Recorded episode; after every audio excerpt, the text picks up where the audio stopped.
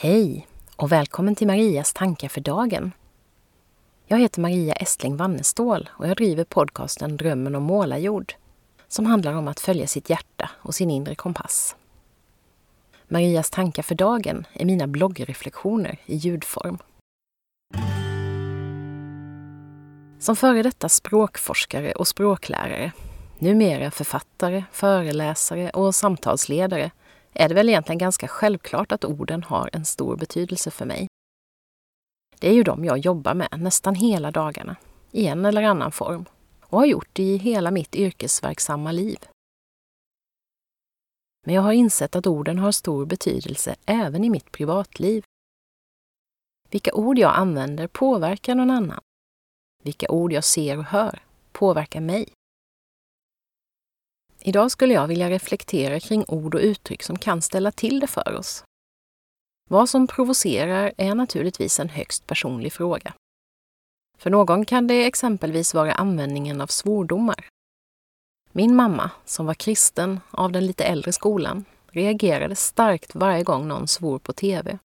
Och jag lärde mig att hemma var en svordomsfri zon. I ett tidigare blogginlägg delade jag med mig av talet jag höll vid invigningen av en staty till Elin Wägners ära, vars namn Pist-Elin väckte en hätsk debatt i lokalpressen. För någon annan kan det handla om obehaget i att höra nedsättande ord för att man tillhör en marginaliserad grupp. Eller att man upprörs över hur andra blir behandlade illa genom de ord som används.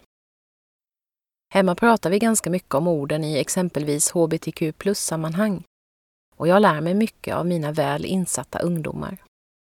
Vilka ord ska vi använda för att undvika att såra eller uttrycka oss från ett privilegierad vit straight medelklassperspektiv? En tredje går igång på språkförändringar man inte tycker om. Tänk bara på hur mycket känslor det lilla, i mina ögon väldigt praktiska, ordet hen kan väcka. Det upplevde jag på nära håll när jag översatte en bok för en tid sedan. Just språkförändringarnas förmåga att uppröra tycker jag är intressant. Inte minst som språklig förändring var ett av de områden jag forskade om under mina år i universitetsvärlden. Så finns det något jag själv går igång på då.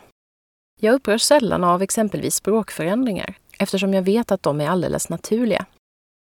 Däremot kan jag reagera på semantiken i vissa ord och uttryck. Två sådana jag själv har lite problem med är hälsningsfrasen ”allt väl” och det där som sägs till någon som förlorat en närstående. Jag beklagar sorgen.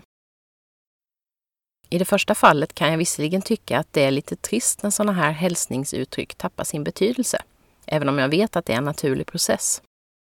Ett allt väl är nog sällan avsett att mötas av ett ärligt svar som kanske inte är kort och positivt, precis som bra med dig och liknande. Men det mest intressanta för mig är det där lilla alltet det märkliga antagandet om att livet skulle vara toppen på alla plan samtidigt. Varför säger vi så? Nog finns det för det mesta något som skaver för de allra flesta av oss. Tänk om vi lite oftare istället kunde fråga Hur mår du? Och med vår röst och vårt kroppsspråk visa att vi är beredda att ta emot den andra personen, oavsett svaret på frågan. Det ska jag försöka träna på. Det andra uttrycket jag tycker är knepigt är när man säger eller skriver ”jag beklagar sorgen”.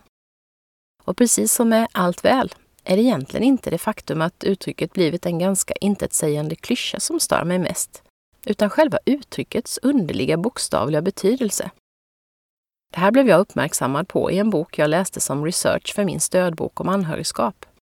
Lisa Blomqvists När man vet att någon snart ska dö för det vi borde beklaga när någons närstående är borta är väl själva förlusten, inte den fullkomligt naturliga sorg som är ett resultat av den.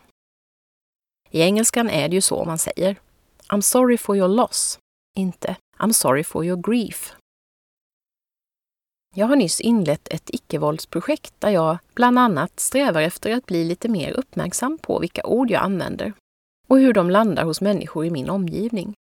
Med den utgångspunkten vill jag säga till dig som läser och kanske brukar använda allt väl eller jag beklagar sorgen, att min intention med det här blogginlägget verkligen inte har varit att såra eller döma. Jag vill helt enkelt bara uppmuntra dig, liksom mig själv, att då och då stanna upp och fundera över vilka ord vi använder, vad de egentligen betyder vår egen intention när vi använder dem och hur de kan uppfattas av den som tar emot dem. Och så vill jag avsluta med ett boktips. Marshall Rosenbergs klassiker Nonviolent Communication, ett språk för livet. För dig som är nyfiken på att utforska det här området vidare.